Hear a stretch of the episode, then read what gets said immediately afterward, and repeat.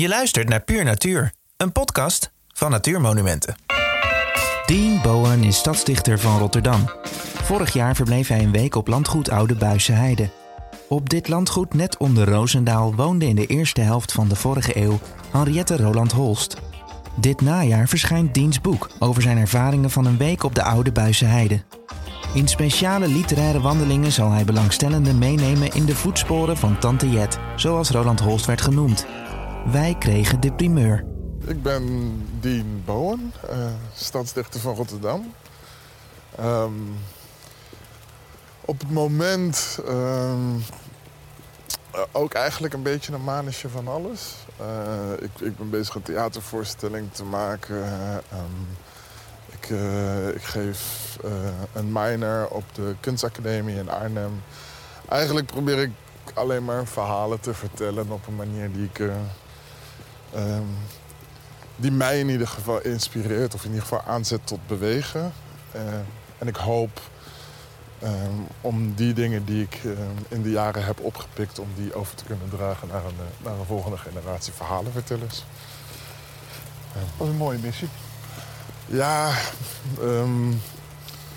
ik, ik, denk dat het belangrijk is om altijd te weten dat je, dat je onderdeel uitmaakt van een uh, van een lijn aan verhalenvertellers. Of maar ja, wat, wat dan ook je, je professie of interessegebied is. En dat, dat, daar, ja, daar, eh, daar is een verantwoordelijkheid mee gemoeid. Enerzijds door te begrijpen wie er uh, voor je geweest is. Anderzijds uh, door gevoelig te zijn voor de mensen en de generaties die na je komen. Zit ben je stadsdichter van Rotterdam. Wat houdt dat in? Nou, concreet houdt het in dat ik uh, zes stadsgedichten per jaar moet schrijven. En nou ja, dat is, dat is dan nog wel te behappen. Maar eigenlijk betekent het natuurlijk iets anders. Het betekent dat je um, een soort ambassadeur bent voor de stad. Dat je uh, door heel veel andere partijen in de stad gevraagd wordt voor samenwerkingen. Maar dat je eigenlijk op een. Um, dat je gevraagd wordt om gevoelig te zijn voor de zaken die zich in de stad afspelen. En daarop reageert. En dat kan van alles zijn. Dat, dat kunnen dingen zijn die in de politiek zich afspelen. Maar dat kan, kunnen ook dingen zijn als um, herdenkingsmomenten. Um, dit jaar bestond, um, of bestaat de Euromast 60 jaar. dus dan word je daardoor benaderd om te, met de vraag of je of je dat moment zou willen vangen in een, uh, in een gedicht. Dus het is eigenlijk heel veel dingen. Zelf heb ik heel erg ingezet ook op, op jeugd. Uh, op de jeugd in de stad. En, uh, en vooral de jeugd enthousiasmeren voor, voor poëzie en voor taal. Niet, zo, niet zozeer met de ambitie dat iedereen nou aan de, aan de gedichten moet. Ik, ik, ik ben er heilig van overtuigd dat, dat niemand ervoor kiest om een dichter te worden. Maar dat is iets waar je tegenaan loopt. Maar wel om uh, te benadrukken hoe belangrijk die taal eigenlijk is. Uiteindelijk is het uh, het belangrijkste gereedschap dat we hebben uh, om te navigeren doorheen de wereld. En als ik een kleine bijdrage kan leveren aan dat benadrukken, dan, dan denk ik dat ik mijn verantwoordelijkheid heb genomen.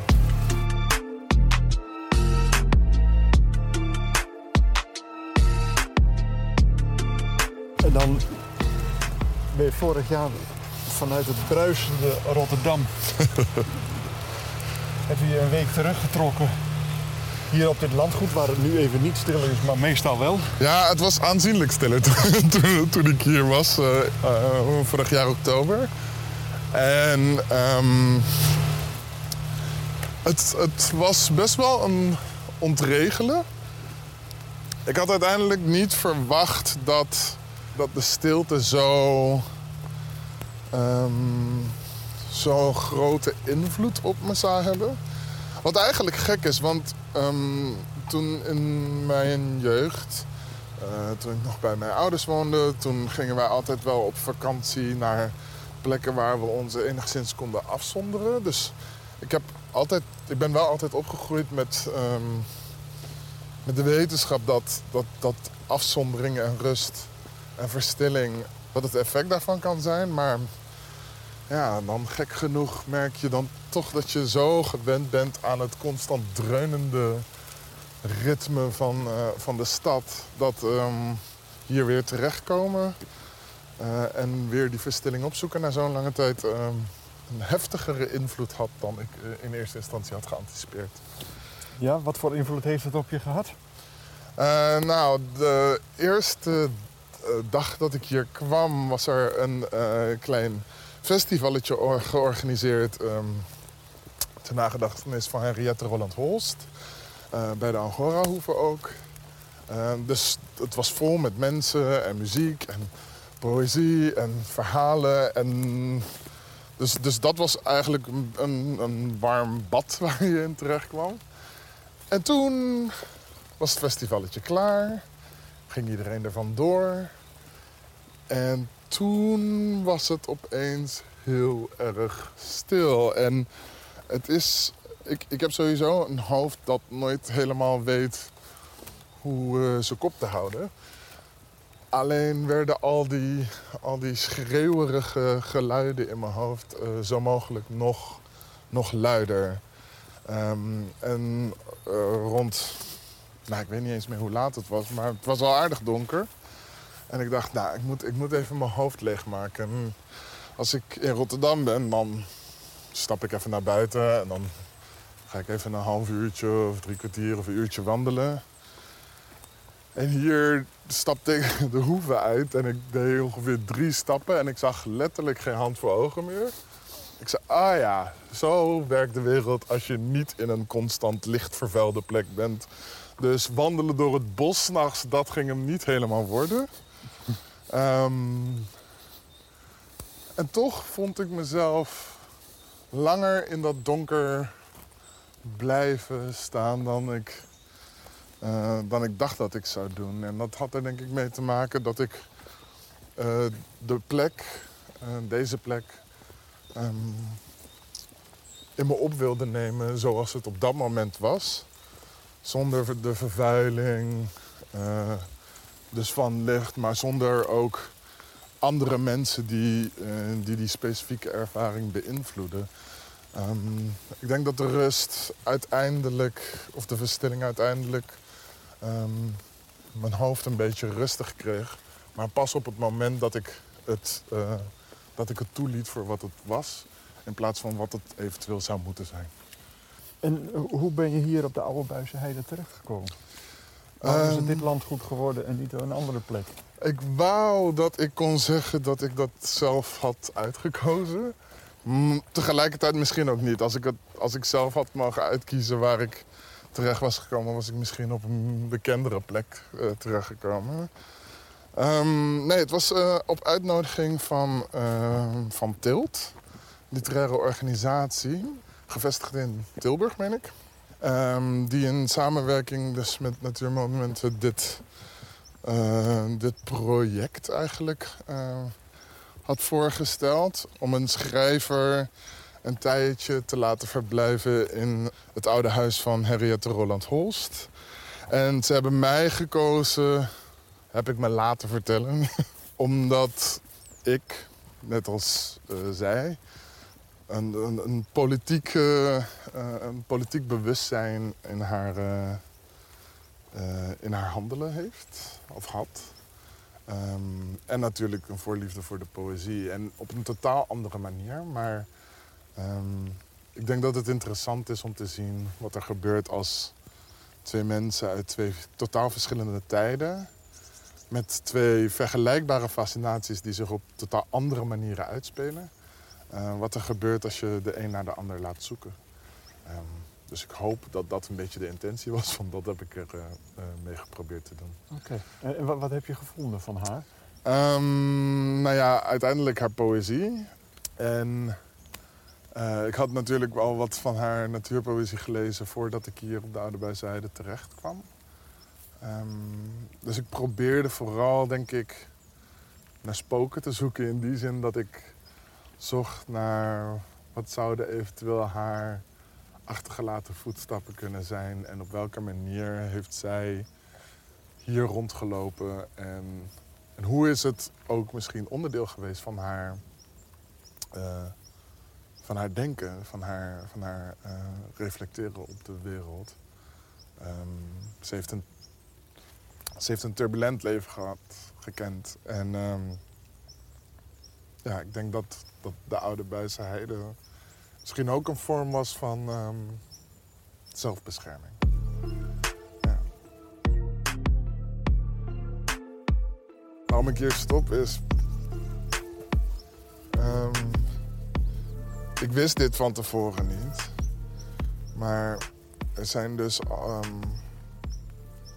allemaal van stoppen hier voor de goede orde even bij een eh, paneel met een gedicht. Ja, ehm, ik weet niet waarom ik ehm, toen ik hier dus vorig jaar rondliep eh, zo ontroerd raakte van het feit dat er langs die wandelroutes eh, poëzie te vinden was. Ik denk dat ik altijd wel een beetje ontroerd raak als ik merk dat er juist op dit soort bijzondere plekken ruimte is voor de poëzie. Omdat ik de oude bijzijde denk ik ook wel als een soort levend gedicht ervaarde. Het was... Ehm, ik voelde heel weinig de noodzaak om te beschrijven waar ik was. Ehm, maar veel meer ehm, waar ik was om me in te laten werken. Zoals ik eigenlijk ook altijd met poëzie doe. Maar, voor mij is het minst interessante met betrekking tot de poëzie... ehm, tot mijn eigen poëzie bijvoorbeeld, of ik één op één begrepen word. Wat sommige mensen misschien raar zullen vinden, want taal is toch een communicatief middel en bla bla bla. Maar ik denk dat het veel meer gaat over wat is de waarheid van een werk. En de waarheid van een werk zit hem net zoveel in wat voor intentie ik erin heb gelegd, als, eh, als wat iemand anders daaruit kan halen. En in dat spanningsveld daartussen, daar gebeurt iets magisch. En ehm, ja, iedere dag vroeg opstaan, wat al helemaal niet mijn gewoonte is. Eh, een bakje thee doen in een theehuisje dat hier op het landgoed staat. En vervolgens eh, het gebied intrekken. Ehm, ja, het, het, het zorgde ervoor dat, dat je jezelf een beetje kon decentraliseren. Dus het ging helemaal niet meer echt om mij. Ehm, en ik was niet bezig een versie van mezelf te presenteren aan wie dan ook, met wie ik een meeting of wat dan ook had. Van, Ik mocht heel lekker ehm, even opnieuw ademhalen. En deze momenten van poëzie zijn dan, eh, zijn dan een fijne manier om, eh, om, daar, ehm, om je daaraan over te kunnen geven. Je wilde in de voetsporen van eh Henriette Roland Holst gaan lopen. Ja. Omdat je een zekere verwantschap met haar voelde. Ehm, de eerlijkheid gebiedt me te zeggen dat ik, ehm, dat ik wel echt een redelijk grote afstand voelde. Ja, we, zijn, we, komen van twee heel verschillende werelden, denk ik. Eh, niet alleen in tijd, maar ook eh, achtergrond en dergelijke. Waarom ik eh, het, denk ik, als zodanig beschreef, was juist omdat ik wilde proberen ehm, iets van haar te begrijpen dat niet vertrok vanuit een soort sec ehm, feitenkennis. Eh, van eh, haar, haar, enkel haar bibliografie of, of haar eh, biografie uit te pluizen. Maar ik wilde, denk ik, proberen langs een meer fenomenologische benadering terecht te komen bij, bij wat het kan betekenen voor iemand om zich voor lange tijd in een gebied als dit te begeven. En natuurlijk is dat voor iedereen anders, maar ik hoopte dat eh, mijn poëtische sensibiliteiten ehm, een, een soort sleutel waren tot, eh, tot misschien haar bewustzijn ervan. Uiteindelijk denk ik dat alle dichters uitmaken van een, van een verbond, van een soort genootschap. En ik hoopte dat eh, door mijzelf toe te laten in dit gebied en het gebied toe te laten tot mij, ik een beetje dichter bij eh, Henriette kon komen.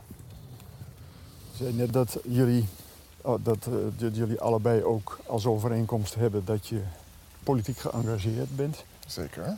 Bij haar uitte zich dat in ehm, dat ze actief was in de socialistische beweging. Rode jet. Ja. En hoe uitzicht dat bij jou? Ik denk dat ik uiteindelijk net iets minder activistisch bezig ben dan, uh, dan Henriette dat was in haar tijd. Ehm, omdat ik, ik ken activisten en ik weet hoe hard zij werken. Ehm, maar wat ik ook weet is dat ik ondertussen een, een stem heb. Uh, nog niet een hele luide, maar luid genoeg uh, dat, met, dat het toch enig bereik geniet. En uh, ik probeer mijn stem zoveel mogelijk in te zetten ten behoeve van um, zaken waar ik, uh, waarvan ik vind dat we, dat we beter kunnen en zouden moeten kunnen doen. Um, dus ik probeer mij in te zetten voor het, of in het in de antiracismebeweging. Tevens probeer ik ook op heel lokaal niveau uh, bij te dragen aan mijn gemeenschap. Kijk, het is. Als je het hebt over de grote problemen van de wereld, um, dan blijf je op een gegeven moment, denk ik, ook steken op een, op een soort abstract niveau waar je problemen adresseert die eigenlijk onmogelijk zijn om met een groots gebaar op te lossen. En ik denk dat we niet uit het oog moeten verliezen hoe van belang uh, het reageren en interageren met je directe gemeenschap um, is. Um, dus uh, ik ben nou, net iets minder dan een jaar geleden verhuisd naar Rotterdam Zuid. Een buurt die staan komt op, op de economische uh, positie van, uh, van de mensen die daar wonen toch bestempeld zou kunnen worden als een, uh, als een laag inkomensgebied. En ik heb, het, ik heb me ingezet om in dit eerste jaar heel erg de buurt te leren kennen. Wie zijn de mensen die initiatieven voor schoolgaande kinderen organiseren? wat zijn de lokale groenteboertjes en barretjes die ik graag wens te ondersteunen door, door juist bij hen en niet in de supermarkt mijn boodschappen te doen of, of een biertje te komen drinken. Te zoeken naar manieren waarop ik zelf kan bijdragen aan uh, de gemeenschap waar ik mij in bevind. En ik denk dat dat, um, dat, dat een soort denken is um, waar ik absoluut een verwantschap zie met, uh, met Henriette Roland Holst ook. Het is dat klinkt bij jou als een hele praktische invulling van je engagement, terwijl het bij Henriette Roland Holst vrij uh, een stuk theoretischer waarschijnlijk was. Nou, ik, ik probeer het beide te doen. Dus um, uh, om, om, omdat ik niet wil vallen in, uh, in het idee, of, of, ik wil niet vallen voor het idee dat, dat het hebben over dingen hetzelfde is als doen ik denk dat het heel erg belangrijk is om deel te nemen in het gesprek daar waar je het idee hebt dat je deel kan nemen aan het gesprek. En ik heb daar zomaar platforms voor. Ik heb uh, los van mijn poëzie uh, ben ik columnist uh, onlangs geworden voor Recto Verso. waar ik, waar ik de ruimte heb om het over deze dingen te hebben. Ik heb um, in verschillende media artikels geschreven over de positie van Ehm, eh, zwarte mensen, maar ook over de positie van kunstenaars in, in deze coronatijden. Gewoon dingen die me aan het hart gaan, dingen die ik belangrijk vind. Dat doe ik daar. Daar verhef ik mijn stem. Daar probeer ik zo luid mogelijk te zijn en andere mensen mee te nemen in de gesprekken die gevoerd worden. Maar als ik dat doe en vervolgens niet de moeite doe om mijn buren te leren kennen, dan voelt dat als het niet continueren van mijn soort ideologische uh, overtuigingen. En dat voelt, uh, dat, ja, dat, dat, voelt, dat zou hypocriet voelen als ik dat niet zou doen. Um, dus het is voor mij tweeledig. Ik probeer de ander niet zozeer te benaderen als een, als een weerspiegeling van mijn verwachtingen. Ik probeer de radicale ander te zien voor wat hij of zij is. Dus als dat dan zo is, dan ben ik op dit moment net zoveel wie ik denk dat ik ben, als dat hoe ik door jou ontvangen word. Dat is een versie van mij die dus nu bestaat. Als ik dat erken, dan betekent uh, zelfbehoud dat ik ook een beetje voor jou moet zorgen, omdat een deel van mij nu in jou woont. En vice versa. En ik denk dat als we op die manier met elkaar om leren gaan, dat we onze politieke, economische, maatschappelijke uh, systemen uh, gaan inrichten op een manier die voor iedereen beter of mooier kan zijn. Want dat betekent dus ook zorgen voor, voor onze wereld, voor mooie gebieden als dit. Betekent dat dat dan deel wordt van onze verantwoordelijkheid.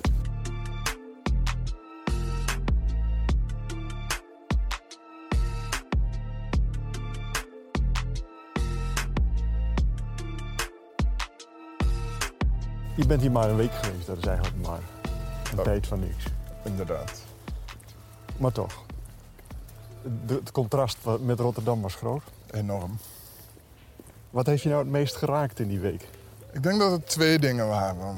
Allereerst had ik via de lokale krant een, eh, een oproep geplaatst dat, ik, dat mijn deur open stond. Voor wie dan ook wilde aankloppen. Eh, om verhalen te delen uit dit gebied. Ehm, en zo eh, kreeg ik op een gegeven moment een, eh, een berichtje binnen van iemand. Die zei dat hij ehm, dat hij langs wilde komen. Ja, ik zal, ik zal geen namen noemen. ik respecteer de privacy. Maar ehm, die kon me prachtige verhalen te vertellen over hoe, hij en zijn vrienden in hun jeugd hier eh, op de Oude Buisheide aan het ja, qua jongens waren. Gewoon hoe ze, hoe ze bezig waren te zoeken naar naar het avontuur. En ik kan me eigenlijk geen betere plek bedenken om, om op die manier te zoeken naar wat een eigen avontuur kan zijn. Of geconfronteerd te worden met, met een. Ja, ik weet niet, met, met, het, met het onverwachte. En dat, dat, vond ik, dat vond ik zo mooi, omdat er iets tijdloos in zat op zo'n manier dat het zelfs een plekje heeft gekregen in het, eh, in, de- in het, in het verhaal. Ja, in, de, in de gedichten. Ik weet niet helemaal hoe ik het boekje dat ik aan het maken ben moet noemen. Maar de schimmen van, van zo'n groepje jongens eh, he- hebben een aanwezigheid gekregen in het verhaal dat ik, eh, dat ik aan het schrijven ben. Of heb geschreven. En ehm, het, het tweede was denk ik dat ik er eigenlijk niet bij had stilgestaan hoe, eh, hoe vol leven zo'n gebied eigenlijk al is. Omdat, ja, in de stad ben je gewoon mensen op elkaar gestapeld. Ik bedoel, ik hou daarvan, echt waar. Maar dat is wel wat het is. Nederland is een heel klein land met heel veel mensen. En vooral in die stedelijke, grootstedelijke gebieden leef je, leef je nogal opgestapeld. Ehm, en dan kom je naar, dan kom je naar de heide en je denkt, ah, stil en ruimte. En dat is het ook. Maar het is eigenlijk nooit stil. Nergens. Er is, er is van alles gaande. Het geritsel, het gechirp. Ehm, dus de, de, de natuurlijke muziek die, eh, die constant aanwezig is en, eh, en was, vond ik, eh, vond ik prachtig. Ja. Gewoon een ja, aantal dagen geen machinaal geluid gehoord. Dat is een hele rare gewaarwording als je het zo gewend bent.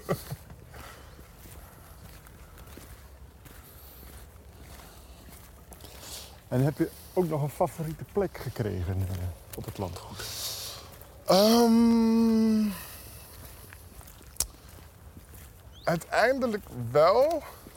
En die lag eigenlijk heel erg dicht bij de, eh, bij de Aurora-hoeve. Eh, dat is het theehuisje.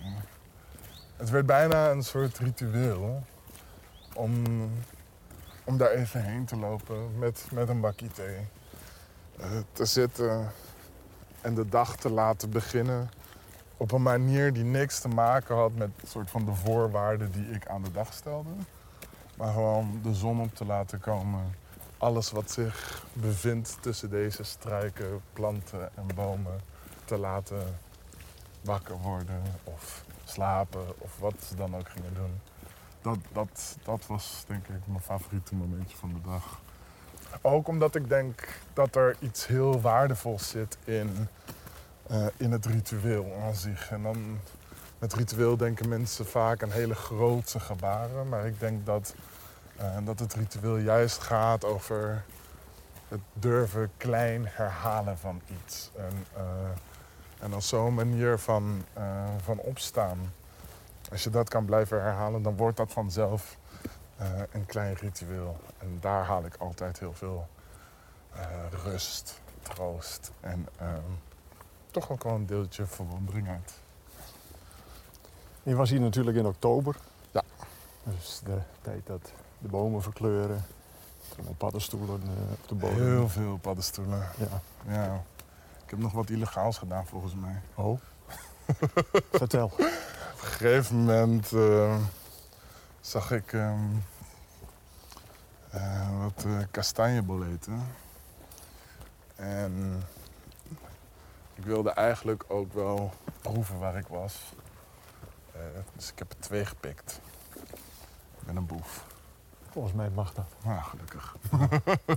Als je maar niet met vuilniszakken vol uh, Nee, nee ze zeker niet. Nee, maar um, ze waren ook heerlijk.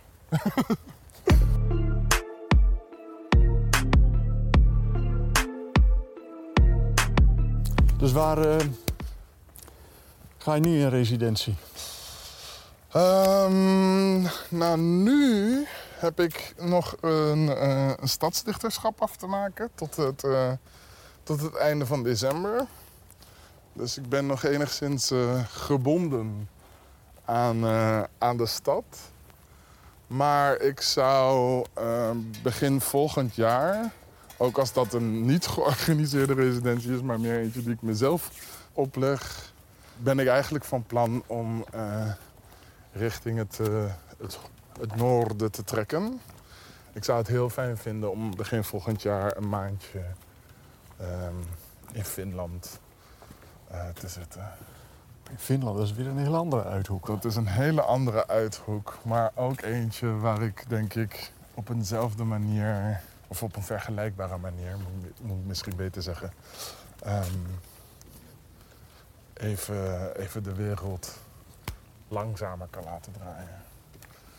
Um, ik, uh, de afgelopen twee jaar, of anderhalf jaar in ieder geval, tot nu toe als stadsdichter, zijn ongelooflijk waardevol. Um, ik vind het heel fijn om op mijn manier een bijdrage te kunnen leveren aan de plek waar ik woon, maar het is ook heel veel en gehaast en druk. En ik denk dat, uh, dat voor jezelf zorgen uh, soms ook is uh, weten dat je je terug mag trekken. Vanwege het ehm, uitkomen van je boek,